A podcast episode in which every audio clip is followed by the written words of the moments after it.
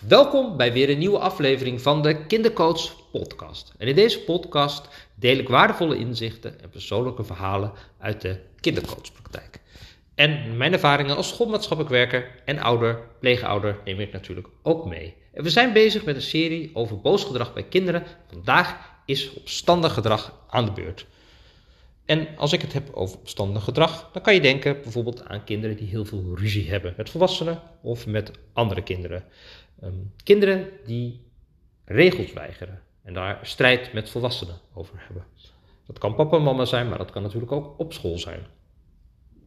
Um, het zijn ook kinderen die heel opzettelijk anderen irriteren en opvallen met prikkelbaar gedrag. Nou, dat zijn een aantal kenmerken van opstandig gedrag. Wat ook een heel belangrijke is, er zijn natuurlijk ook gedragsstoornissen bij kinderen, die niet vaak voorkomen overigens. Dus dat is ook een hele belangrijke om te weten. En dan kan je bijvoorbeeld denken aan ODD of oppositioneel gedrag. En wat daarbij ook wel heel erg belangrijk is, is dat die kenmerken overlappen elkaar natuurlijk, maar de maat waarin kinderen dat laten zien is ook wel veel heftiger. dan kan je ook denken aan ruziezoekend gedrag, nou, opzettelijk irriteren, nou die hadden we nu al een beetje ook genoemd, hè? Uh, maar ook liegen, uh, dieren of mensen opzettelijk pijn doen, stelen, vechten. Vaak zijn ook kinderen die uh, politiecontacten uh, hebben al heel vroeg. Dus dat is een, wel een interessante om die achter ja, in gedachten te houden. Maar wat heel belangrijk is, is bij de meeste kinderen is dat dus niet zo. Dus daarmee kan ik je dan ook weer gelijk geruststellen. En um, ja, er zijn natuurlijk wel wat in de benamingen ook nog wel wat verschillen. Oppositioneel gedrag nou, dat gaat echt over het verzetten tegen leiding. Dat is dan echt een, een hoofdkenmerk. Nou, dat, is, uh, dat is een interessante. Als we het hebben over agressief gedrag, dan heb ik het over gedrag waarbij je lichamelijk of geestelijk anderen pijn doet. En dan heb je ook nog antisociaal gedrag.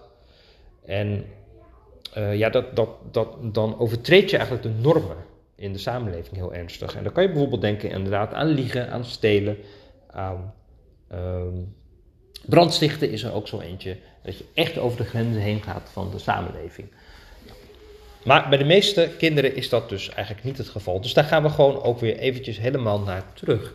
Maar ik krijg natuurlijk wel aanmeldingen waarbij kinderen dan ook wel aangemeld worden met die kenmerken. Hè, van heel veel ruzie en uh, weigeren, regels weigeren en zo boos reageren en uh, geïrriteerd en maar niet luisteren. Zo. Dus nou, dat is natuurlijk een interessante. Uh, wat ten eerste ook heel goed is om te kijken, hoe gaat het met de kinderen op school? Wat soms ook is, op het moment dat kinderen heel erg overvraagd worden, er wordt gewoon te veel moeilijke dingen aan kinderen gevraagd, dan kan je als bijproduct ook dit gedrag krijgen. Dat is een hele interessante. Uh, want dan is de oplossing ook, ja, op het moment dat je de druk of het werk aanpast van kinderen, dan zie je ook dat gedrag verdwijnen. En dat is een hele interessante, want hier op de basisschool hebben wij natuurlijk te maken met kinderen die qua leerritme, leertempo goed zouden kunnen passen op bijvoorbeeld een speciale school die rekening houdt met leren, een SBO-school bijvoorbeeld. Nou, uh, die kinderen hier zo, ja, die kunnen soms wel helemaal verstrikt raken in dat uh, opstandige gedrag. Dat zien we dan heel veel en dan zien we niet een blij kind natuurlijk hier. Uh, maar op het moment dat je ze een half jaar later spreekt en ze zijn naar een andere school toe, is dat gedrag in één klap compleet verdwenen. Dus dat is het interessante. Dus heeft jouw kind veel opstandig gedrag? Een eerste tip om te onderzoeken is: hoe zit het met de stress? Hoe zit het met de druk op je kind? Is er te veel en kan je iets wegnemen? Denk bijvoorbeeld aan kinderen met dyslexie of zo, die uh, behoorlijk wat frustratie hebben met het lezen, nou, met dyscalculie, met het rekenen. Um, nou, dat er echt iets ligt in, uh, uh, ja, in de aanleg misschien wel ook van kinderen, maar wat echt het leerproces hindert. Ja, wat kan je dan? Hè? Als er dan druk op gezet wordt, ja, dan zijn er kinderen die helemaal naar het stille gedrag gaan, maar ook kinderen die naar het opstandige gedrag gaan. Dus dat is in ieder geval een hele belangrijke om die te onderzoeken. Nou, opstandig gedrag bij kinderen is natuurlijk ook leuk om daar eens naar te kijken van. Want bij opstandig gedrag zitten natuurlijk ook positieve kanten. Want het zijn kinderen met een eigen stem. met een eigen mening. Dat is natuurlijk een prachtige kwaliteit. Het zijn ook kinderen die, ja, als er iets van onvrede is, daar ook gelijk direct op reageren. Het zijn vaak kinderen die een heel groot rechtvaardigheidsgevoel hebben. En op het moment dat er iets van onvrede is, dan woppa, dan springen ze in de bres. En ja, de manier waarop ze dat doen is vaak niet de meest handige. Maar ze laten in ieder geval wel hun stem horen. En dat is dan ook wel weer iets waarmee we de kinderen kunnen prijzen.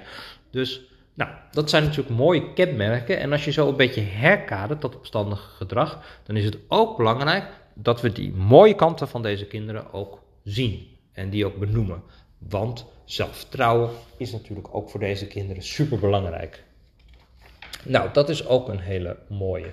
Ja, wat ook wel echt heel interessant is, is um, onrecht. Ik had laatst bijvoorbeeld een jongetje, die, was echt, die had echt het gevoel van, mij is echt heel erg onrecht aangedaan. En die had ook besloten om vervolgens, nou misschien ken je dat wel, uh, dat wordt wel, de methode wordt wel eens gebruikt op scholen, de rode weg en de groene weg.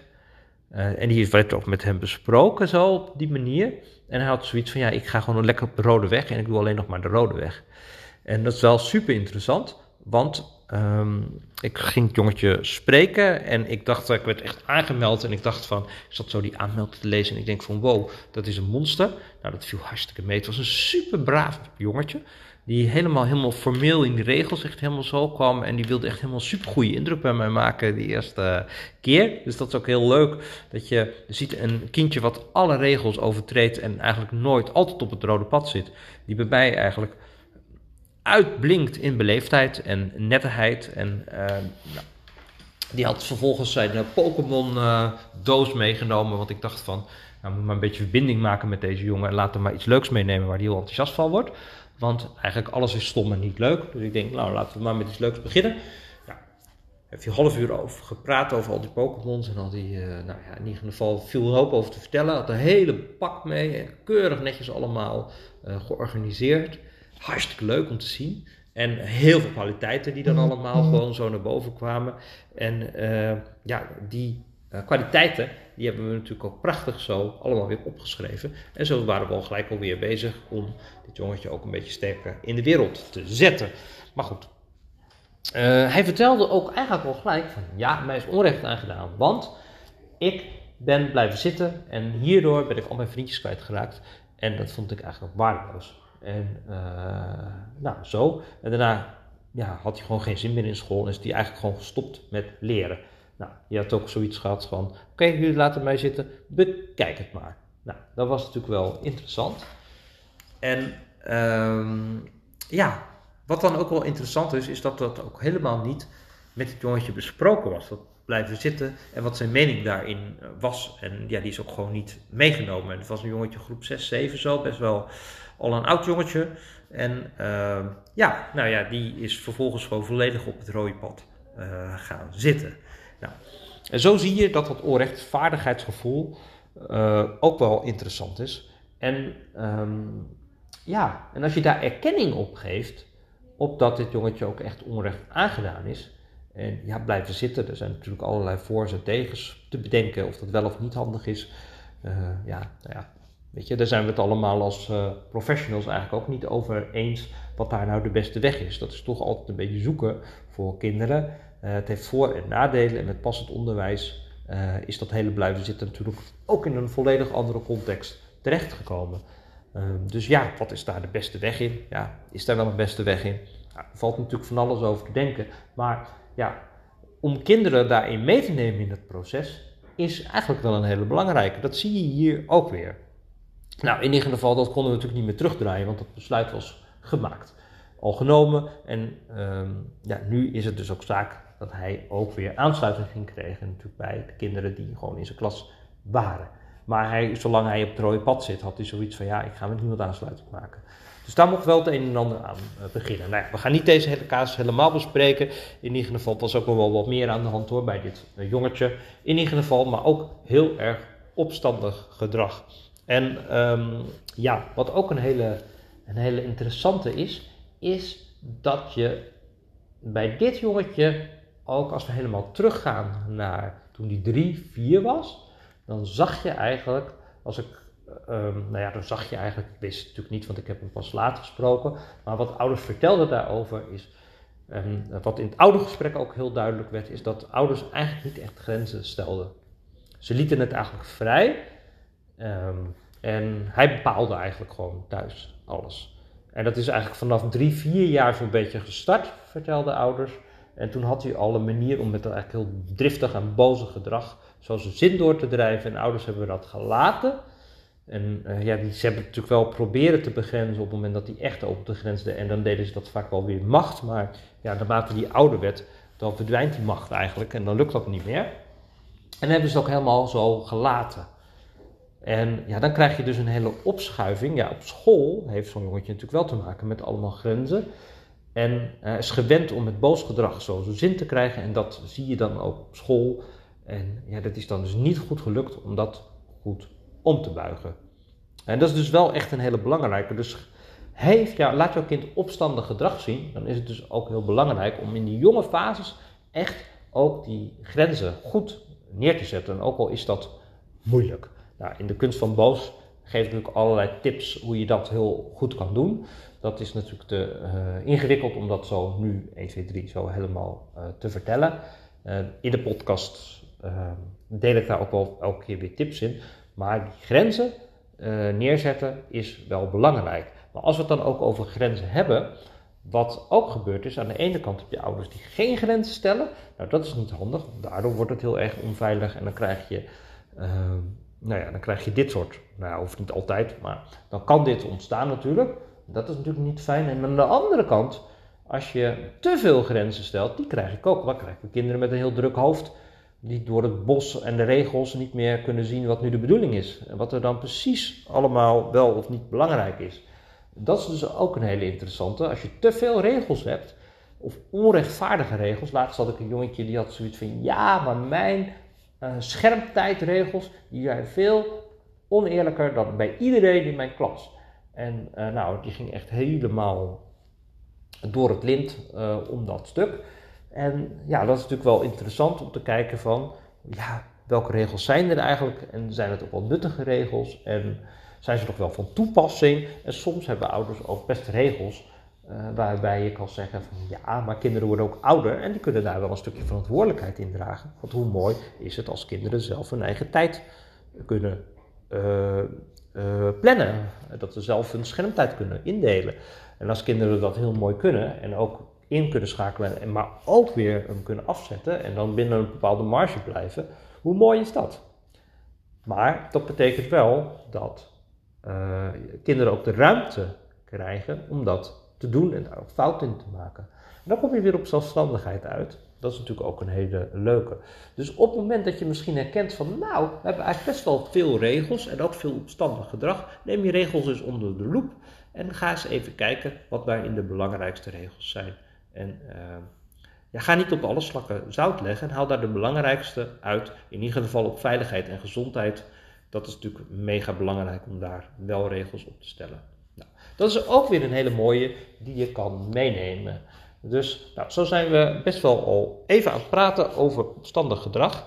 En heb ik best ook wel wat mooie tips gegeven.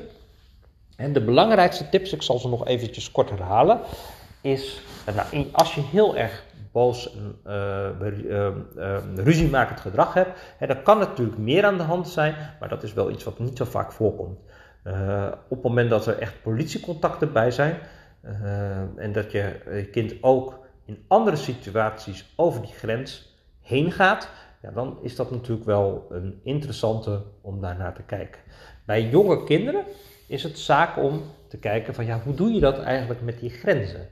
Uh, zijn jullie te vrij en stellen jullie geen grenzen en dan in één keer heel boos? Nou, kan daar iets tussenin. Dat is natuurlijk heel leuk om daar te onderzoeken. Of misschien herken je ook wel dat verhaal van, oh ja, we hebben een heel erg bos aan regels, we hebben een hele hoeveelheid aan regels en die veranderen ook weer. En het is eigenlijk voor ons ook bijna niet te doen om uh, daar consequent op te zijn, omdat ja, de regels zijn gewoon te ingewikkeld. En kan je daar een beetje door versimpelen. Ook mooi als je zo ziet met, uh, met uh, mondkapjes en de coronaregels en alles. De regels die echt heel duidelijk zijn, ja dat gaat wel, maar op het moment dat die regels rondom wanneer mag je wel naar school, niet naar school, eh, heel erg ingewikkeld worden en dat er heel veel regels bij zijn gekomen, dan zie je ook in de samenleving ook dat mensen het veel moeilijker vinden om die regels te volgen. Nou, en dat is natuurlijk hier eigenlijk ook. Maar op het moment dat je heldere, duidelijke regels hebt op de dingen die echt belangrijk zijn, dan heb je ook de meeste kans op medewerking. Dus dat is echt een hele mooie. Ja, oh ja, en die druk, hè, die druk op het moment dat kinderen uh, het zwaar hebben, te moeilijk hebben op school en dat er iets echt frustrerends in de weg zit, dan krijg je ook opstandig gedrag. Nou, frustratie is misschien ook wel interessant om de volgende keer op door te gaan. Nou, in ieder geval opstandig gedrag zo helemaal uitgeplozen. En misschien heb je wel een vraag over kinderen. Ik doe natuurlijk alles kids. En alles kids is een individuele training gericht op kinderen met heftig boos gedrag. Um, ja, dan kan je wel denken over die kinderen die richting dat ODD-achtig gedrag gaan. Um, en die, waarvan we eigenlijk ook weten, al op het moment dat je die kinderen in de bovenbouw van de basisschool de goede hulp geeft, echt die één op één, niet in een groep. Alsjeblieft, ga niet die jongens in een groep zetten of die meiden, want die zijn alleen maar bezig met handjesgedrag en je kan echt niet een groep draaien. Je hele groep gaat naar de, nou ja, naar, de, naar malle moeren eigenlijk, omdat je alleen nog maar aan politieagenten bent. En die kinderen voelen zich niet veilig genoeg om daar te gaan staan. Want het zelfbeeld is echt te laag. Ze zijn alleen nou ja, bezig met een beetje handjesgedrag en uh, ja, dat geeft gewoon onwijs gedoe. Uh, dus dat is echt niet handig. Um, en dat is natuurlijk wel wat de gemeente eigenlijk graag altijd wil. Maar deze kinderen hebben echt baat één op één. Um, dat je echt die verbinding maakt, dat er echt iemand achter ze komt staan en dat ze echt stevig gaan staan. Dat doet soort als kids training, doet dat. Um, dus dat is wel een hele belangrijke om uh, over na te denken. Rots en water kunnen ze ook wel, als je dan wat doet, dan zou rots en water nog wel kunnen. Maar ook daarin, um, als ze te heftig in dat handjesgedrag zitten, gaat dat ook niet werken. Want dan zie je dat daar eigenlijk ook. En dan gaan ze bravoeren en dan gaan ze uh, over de grens heen. En dan heb je eigenlijk precies hetzelfde gedrag. Wat je in de klas hebt, heb je ook in je groep. En je helpt ze gewoon niet. Nee. In ieder geval, er valt nog heel veel over deze kinderen te vertellen natuurlijk. Dat hoor je eigenlijk wel. Maar ik ga lekker afronden. Mocht je vragen hebben, uh, stuur mij even een mailtje. Dan kan ik daar natuurlijk altijd bij helpen. Nou ja, altijd. In de meeste gevallen, ik kan in ieder geval meedenken. En uh, ja, dit zijn natuurlijk wel de kinderen met wie ik graag werk en waar ik mee ook veel stappen zet. Het zijn ook de kinderen die uh, met rode kaarten op school of gele kaarten geschorst worden. En vaak is schorsen eigenlijk precies weer zo'n bevestiging van ik ben niet oké. En dat zelfbeeld gaat eigenlijk naar beneden. Terwijl je eigenlijk wil dat ze zich gaan voegen in de groepen. En dat, je, dat ze daarbij geholpen worden. Nou, dat lijkt me een mooie om mee af te ronden. Wil je meer weten, stuur mij even een mailtje info jeugd- en kinderpraktijkrota.nl En natuurlijk zie ik je dan gewoon weer bij een volgende podcast. De kunst van boos is natuurlijk ook is één op één. En oude kind is voor deze kinderen ook echt een aanrader. Dus check even mijn website en dan kan je daar ook mee aan de slag. Dan wens ik je een hele fijne dag en dan spreken we elkaar bij een volgende podcast.